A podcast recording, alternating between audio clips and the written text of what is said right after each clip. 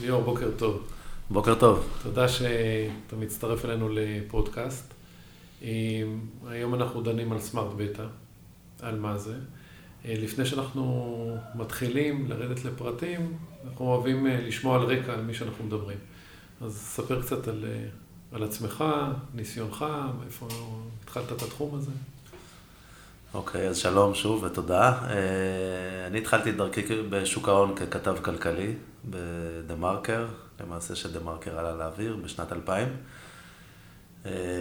כעבור שלוש שנים וחצי עברתי למעשה מכתיבה בשוק ההון לעשייה בשוק ההון לכלל פיננסים, להיות סוחר נוסטרו, מה שנקרא, להשקיע את הכספים של החברה. ובמקביל התפתח ככה בצד, משהו שהיה נראה אז נחמד וקטן, אבל זה, קראו לזה תעודות, תעודות סל, ולשמחתי הייתי במקום הנכון בזמן הנכון, וככה עם ההתפתחות של התעודות סל בארץ בשנת 2004, שם נכנסתי לעשייה, מוניתי למנכ"ל הפעילות, גדלנו וצמחנו עם התחום בעולם, בארץ, בתוך כלל פיננסים, בחברה שקראו לה מבט תעודות סל. לאחר כמה שנים כלל פיננסים מכרה אותנו למיטב, עברנו למיטב תעודות סל. הפעילות גדלה ל-11 מיליארד שקל, 40 עובדים, 70 ומשהו תעודות סל שונות. ולשמחתי, וגם תחום שאני מאוד מתעניין בו ואוהב אותו, עולם המדדים, הייתי לאורך ההתפתחות שלו כל השנים. בשנת 2011, למעשה, שמיטב התמזגו עם דש, מיטב נאלצו למכור אותנו, את חברת תעודות הסל, בגלל עניינים של הגבלים עסקיים.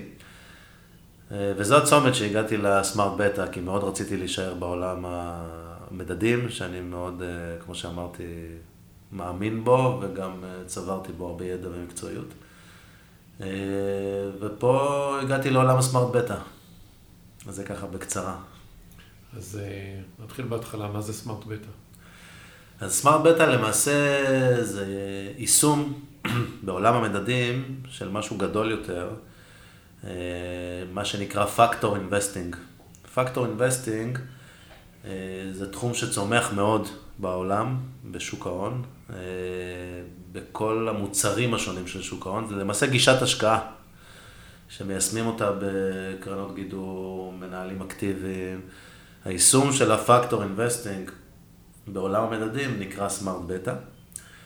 אז מה זה למעשה ה factor investing? ה factor investing זה למעשה, אם מסתכלים קצת אחורה על עולם ההשקעות, בעולם גם ללא מחשבים, נלך 20-30 שנה אחורה, אז רוב הניהול הכסף, 99 אחוזים, נעשה באמצעות מנהלי השקעות, כל מנהל השקעות לפי גישתו, בחר איפה להשקיע, מתי להשקיע, איך להשקיע, איך נראה התיק.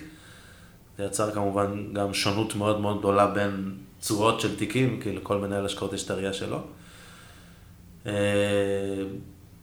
מה שגרם לשינוי הגדול בעולם ההשקעות זה למעשה המחשוב, שהתפתח מאוד, עולם המחשבים, ואז זה התחיל למעשה ביישום כמדדים. עולם המדדים התפתח, בוא נגיד, ב-20-25 שנה האחרונות, בעיקר בזכות מחשבים ויכולת לקנות סלי מניות, בלחיצת כפתור לקנות 500 מניות של S&P וכולי.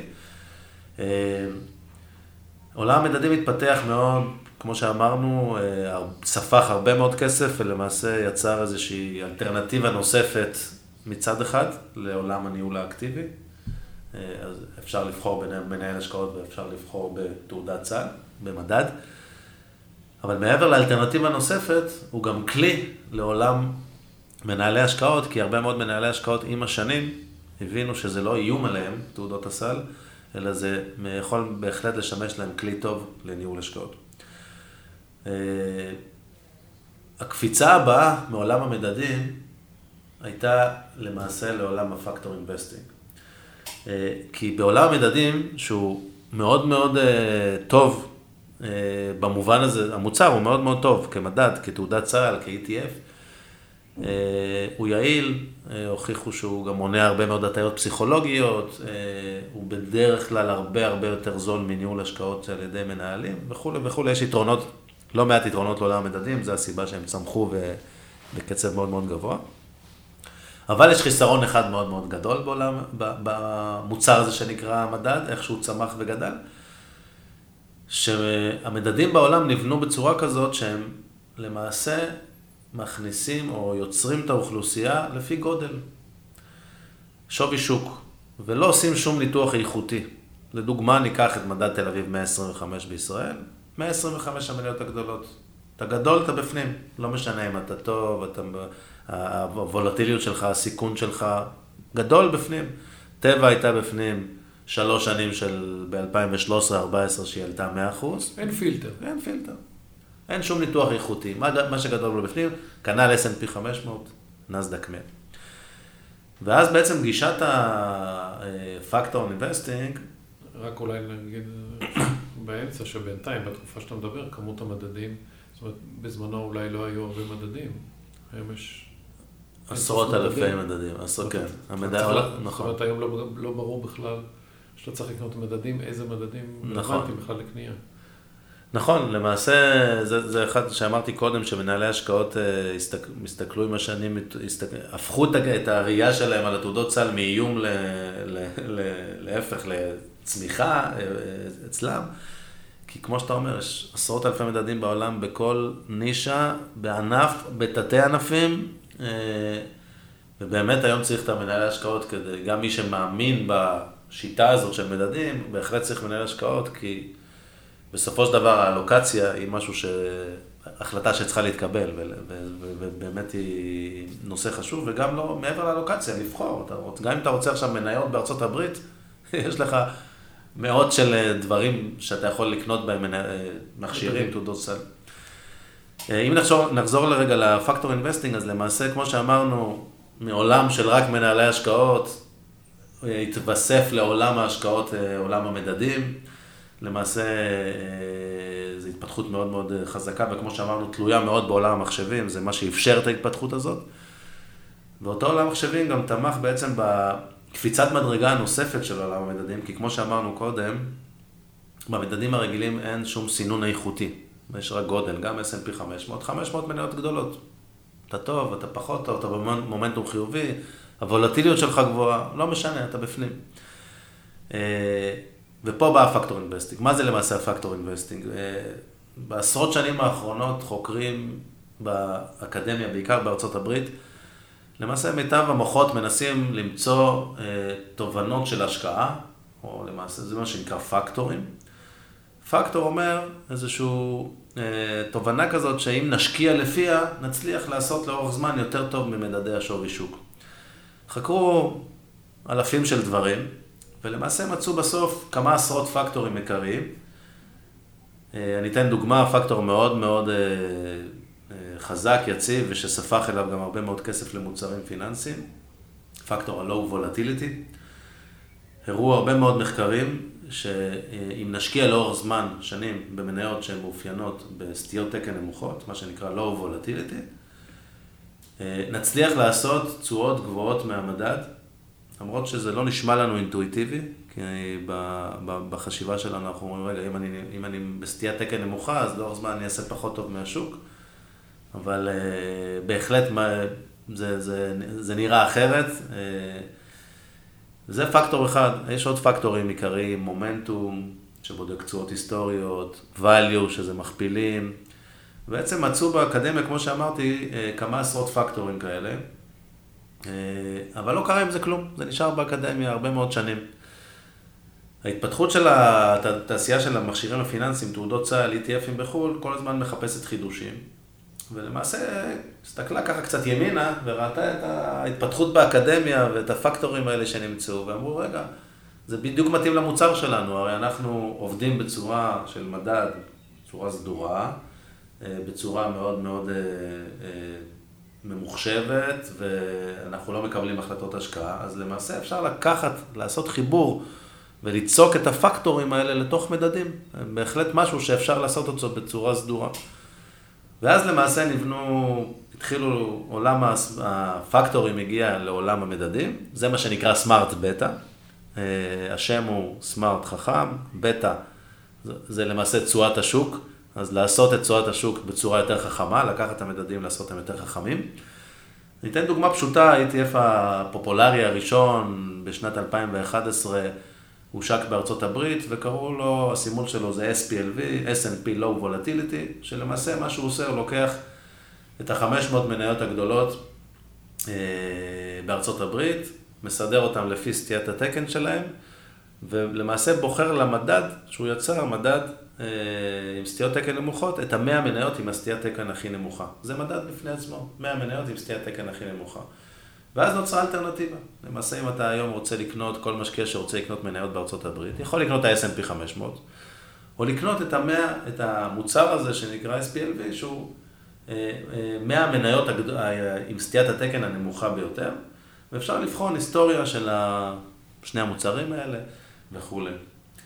יש עוד אלטרנטיבות ל-S&P היום. אבל איך זה, למשל, בהתייחסות למדד שאתה מדבר עליו, לפי מה שאני מכיר, הוא מוטה נניח מניות אה, מתחום של נדל"ן ותשתיות, תעשיות יותר מסורתיות. ואז מה שקורה בעליית ריבית הוא לא מתפקד, ואז חברות טכנולוגיה טסות מהר. אני חושב שאני להגיד שאתה בסופו של דבר חוזר לאותה בעיה שאתה צריך להחליט מה המועד. לא יצאת מהבעיה שאתה צריך לפתור, אוקיי, עכשיו לואו וולטיליטי או היי וולטיליטי. מה שאתה אומר זה נכון, וניגע בנקודה הזאת לרגע, כי בעולם הפקטורים, כמו שאמרתי, נמצאו כמה עשרות פקטורים אה, שונים, שהם אה, אה, עם תוחלת מאוד מאוד טובה לאורך זמן. תמיד המדידה היא מול המדדי שווי שוק. אבל גם פה למעשה באמת צריך את מנהל ההשקעות. למה? כי עולם הסמארט בטא גם הוא כבר מתחיל לייצר הרבה מאוד אלטרנטיבות. פקטור כזה, פקטור אחר, אתה צודק שלא וולטיליטי אה, בתקופה של עליית ריבית, וראינו את זה גם, או בציפיות לעליית ריבית, בהחלט רואים שהוא מתפקד קצת פחות יותר טוב. מצד שני, בתקופות אחרות, אם, תסתכל, אם נסתכל על דצמבר האחרון, אז uh, הוא יצר, uh, הוא תפקד מאוד מאוד טוב, שהשוק ירד חזק והמניות האלה ירדו ממש מעט. Uh, יש לזה פתרונות שונים, זה יכול להיות מנהל השקעות שיבחר ללקוח איפה להיות באותה תקופה. וזה יכול להיות גם מוצרים בעולם הסמארט בטא, בגלל, כמו שאמרת, שהפקטורים עובדים לא תמיד טוב, ולא תמיד בסינכרון, זאת אומרת, יכול להיות שהמומנטום עכשיו זה זמן להיות בו והלא וולטיליטי פחות, או הצמיחה מול ערך. אה, יש אה, ETFים בעולם הסמארט בטא שנקראים מולטי פקטור, שהם למעשה באים ואומרים בוא נמתן, אם אנחנו יודעים שהפקטורים לא עובדים בצורה ליניארית, כולם ביחד אה, מניבים תשואה טובה לאורך זמן. לכל אחד יש את הטיימינג שלו, אז בואו בוא ניקח מדד. פקטור על פקטור. בדיוק, נעשה מספר פקטורים, נשלב ביניהם, נבחר את המניות שעומדות בפקטורים האלה, ולמעשה נמתן, בתקופות שהלא וולטיליטי יעבוד פחות טוב, אולי פקטור אחר יעבוד יותר טוב, ואז אתה מייצר תיק שהוא אמור לתת תשואה טובה לאור זמן. ומה הבנצ'מרק, ה-S&P? הבנצ'מרק הוא באותו שוק שבחרת להיות בו, אם לקחת באמת מניות מה-S&P, אז הבנצ'מרק יהיה S&P, כן, אם בחרת מניות מתל אביב 125, אז הבנצ'מרק שלך יהיה תל אביב 125. וכמה מדדים יש בעולם הזה, בעולם תוכן הזה? של הסמארט בטא? כן. העולם הזה מתפתח בקצב מהיר מאוד, וזה כבר כמה שנים שבתוך עולם המדדים שהוא בעצמו מתפתח, עולם הסמארט בטא היא הנישה המתפתחת ביותר, זו צמיחה שאני מדבר על עשרות אחוזים בשנה בנכסים.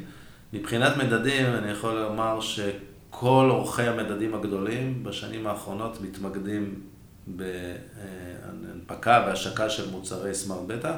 יש היום אה, מאות אה, מדדים בעולם של סמארט בטא, כל חברות המדדים בעולם, בטח הגדולות וגם הקטנות, מייצרות אה, מדדים מהסוג הזה, וזו נהייתה איזשהו, איזו נישה חדשה בעולם שצריך ללמוד אותה למעשה. זה למעשה ניהול אקטיבי. בסופו של דבר זה בחירה של אסטרטגיה, שזה מה שאמרת, שזה מייתר מנהל השקעות, אז זה כאילו בחרת מי מנהל השקעות, של value, של... נכון, זה אה, בעולם... במקום בן אדם בחרת מחשב נכון, שהוא האקטיבי. נכון, זה, זה תיאור יפה מאוד. ומה אנחנו יודעים על, ה... על הביצועים של האסטרטגיות האלה? אז אני אגע כבר בביצועים, אבל רק לחדד את מה שאמרת זה נכון מאוד. כי למעשה, אם מסתכלים על, ה... כמו שדיברנו בתחילת השיחה, על שתי גישות ההשקעה הגדולות, שזה מנהל השקעות או מדד, או לא משנה אם זה מנהל השקעות שמשתמש במדד, אבל שתי גישות ההשקעה. למעשה בעולם מייצרים, הסמארט בטא מתארים אותו כחיבור של שני התובנות האלה. למה? כי הסמארט בטא ארוז בתור מוצר שהוא מדד. זה יכול להיות uh, קרן מחקה, קרן סל, ETF, אז זה uh, ארוז כמדד משפטית, אבל באמת התובנות שלו, אותם פקטורים למעשה נלקחים מעולם ניהול ההשקעות, כי זה מכפילים, וזה מומנטום, וזה סטיות תקן וסיכון וכולי, כמו שציינת. אז למעשה זה, זה החלאה של העולם האקטיבי והפסיבי, זה מנסה לקחת את הטוב משתי, משני העולמות ולייצר את המוצר הזה. אמ, לגבי אה, תוצאות, אמ, אני מנוע מלהיכנס משיקולים של רגולציה לתוצאות ממש בשמות, אבל בדיוק, לגבי, אם נדבר באופן כללי, אנחנו יכולים לראות שלדוגמה בישראל אה, מוצרי הסמארט בטא מייצרים עודפי תשואות מאוד מאוד יפים לאורך זמן. אה, בעיקר בעולם של המניות, מן הסתם גם בעולם של המניות מייצר, מייצר יותר תשואה בכל מקום. אה, ככל שהשווקים יותר נזילים, זאת אומרת, אם נלך דרך אירופה או, ונגיע בסוף הברית, אז יותר קשה לייצר עודפי תשואה. אה, כי שוב, אם ניקח את ה-S&P 500, אפשר לומר שמיטב המוחות, המומחים, המחשבים, סוחרי היום, מנהלי השקעות, ארביטראז'רים, סוחרי יום, כולם מנסים כל היום רק לנצח וכולי, זה הופך את המדד הזה למאוד מאוד נזיל. אבל גם שם ב-S&P אפשר לראות uh, בהחלט uh, תקופות שמוצרי הסמארט בטא יכולים להניב עודפי תשואות מאוד מאוד יפים. לדוגמה, אם ניקח את החודשים האחרונים, ה-low volatility, מציג צורות, אה, עודפי צורות מאוד מאוד גבוהים מעל ה-S&P 500. נובע בעיקר מאיזשהו מעבר בעולם, הרבה מאוד כסף זורם ממניות הצמיחה למניות הערך, ומניות הערך מאופיינות יותר ב-low volatility, בסטיות תקן יותר נמוכות, וזה גורם לעודפי תשואות האלה. אה, אז אם ככה אפשר לסכם, זה בהחלט אלטרנטיבה טובה מאוד לניהול כספים. אני חושב שבסוף, אה, גם כשהתחיל עולם תעודות הסל, אמרתי את אותו דבר, ואני אומר גם היום, בסוף הכסף מדבר.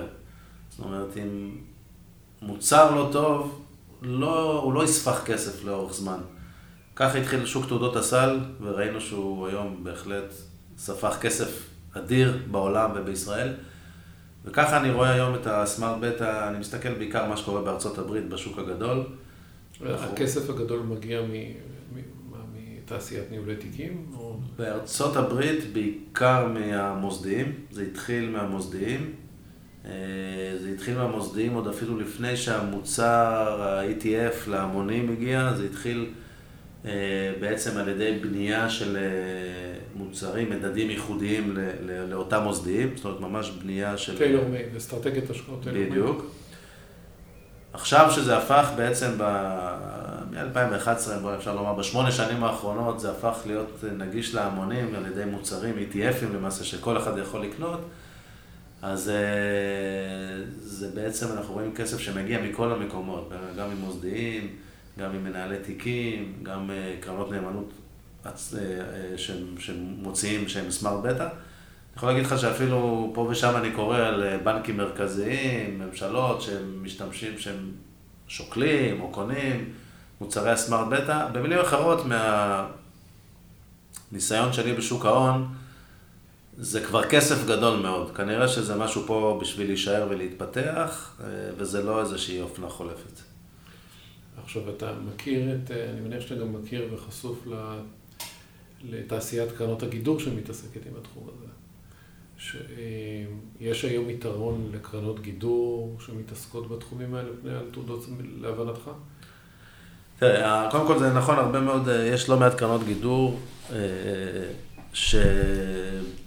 שמסתכלות על מה שאמרנו, על התעשיית ה factor investing, רואות את היתרונות שלו. ומחליטות לפעול בעצם לפי אותם פקטורים ולנהל כסף בשיטה הזאת. אה, אני קצת מבדיל, כי קודם כל זה אוכלוסיות מאוד מאוד שונות, זאת אומרת, אה, תעשיית קרנות הגידור מדברת לאוכלוסייה של אנשים אה, עמידים יותר, עם כסף גדול יותר, היא לא פונה לעם. מצד שני זה עלויות יותר כבדות. נכון, זה גם עלויות יותר כבדות. והמוצרים הפיננסיים של קרנות צה"ל, קרנות מחכות, ETFים בחו"ל, הם באמת מדברים לכל אחד, לכל סכום השקעה ובדמי ניהול אה, מאוד מאוד נמוכים. אה, אני יכול להגיד לך שאני רואה יתרון בעולם של המוצרים הפיננסיים, של התעודות צה"ל, קרנות צה"ל, קרנות מחכות, כי למעשה זה מנוטרל לגמרי מגע יד אדם, מה שאני קורא לזה, או החלטה של מנהל השקעות. ומראים שלאורך זמן לא משנה איך וכמה אתה בסוף מקבל איזושהי החלטת השקעה, אה, זה משהו שעלול להפריע. כי עובדת, כי בהחלטת השקעה אתה משלב הרבה מאוד פסיכולוגיה שמשפיעה על מנהל השקעות ולא תמיד לטובה. אה, עלויות שהן יכולות להיות יותר גבוהות כי אתה עושה יותר שינויים. יש משהו מאוד אה, סדור שאני אוהב אותו בעולם המתודי של חקרת הרבה מאוד זמן, החלטת לעשות מדד, יצרת מתודולוגיה ואתה רץ לפיה לאורך שנים, בלי שום החלטת השקעה. אתה יכול לעשות fine-tuning של שינוי במתודולוגיה אם נדרש, אבל באמת המוצר רץ על איזו תובנה, על איזשהו פקטור הרבה מאוד שנים.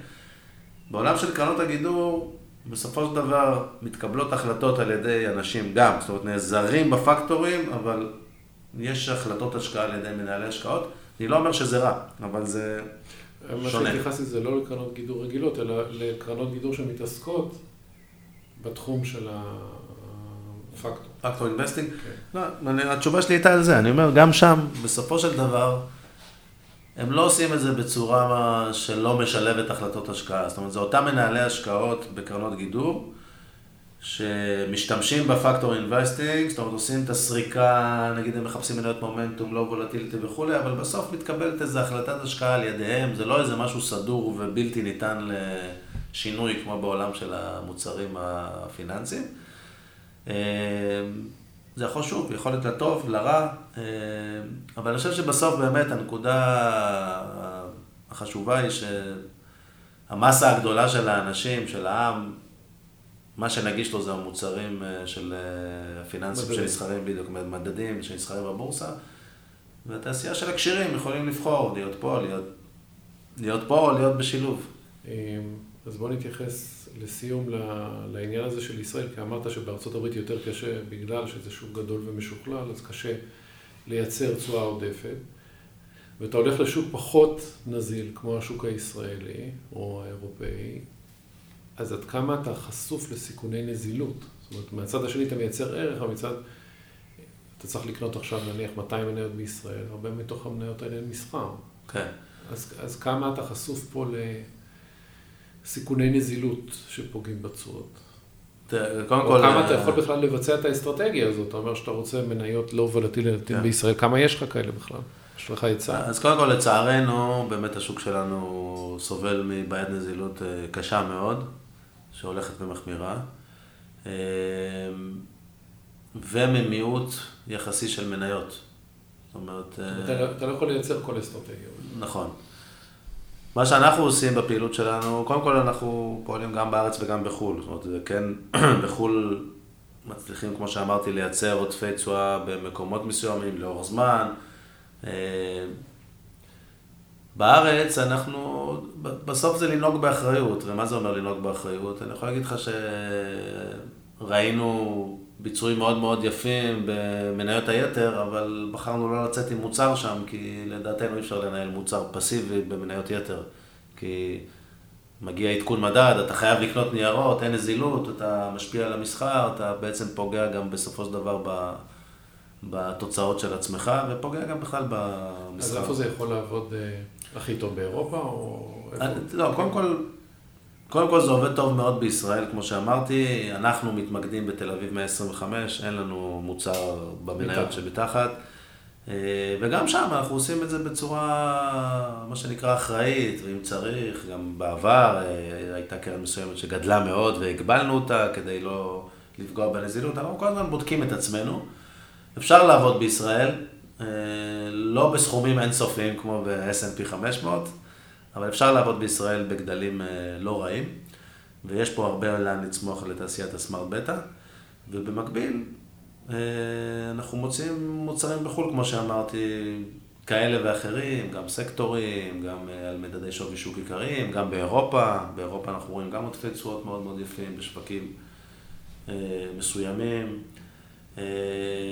אבל שוב, התעשייה הזאת באמת, אני חושב שהיא עדיין, כל תעשיית הסמארט בטא, גם בעולם, אני חושב שהיא בחיתוליה, בתחילת דרכה. אה, יש פה משהו מאוד מאוד מעניין כמישהו שצמח בעולם המדדים, אה, ואני מעריך שהתעשייה הזאת תמשיך להתפתח בקצב אה, מאוד מאוד גבוה. תודה רבה. בבקשה, תודה לכם.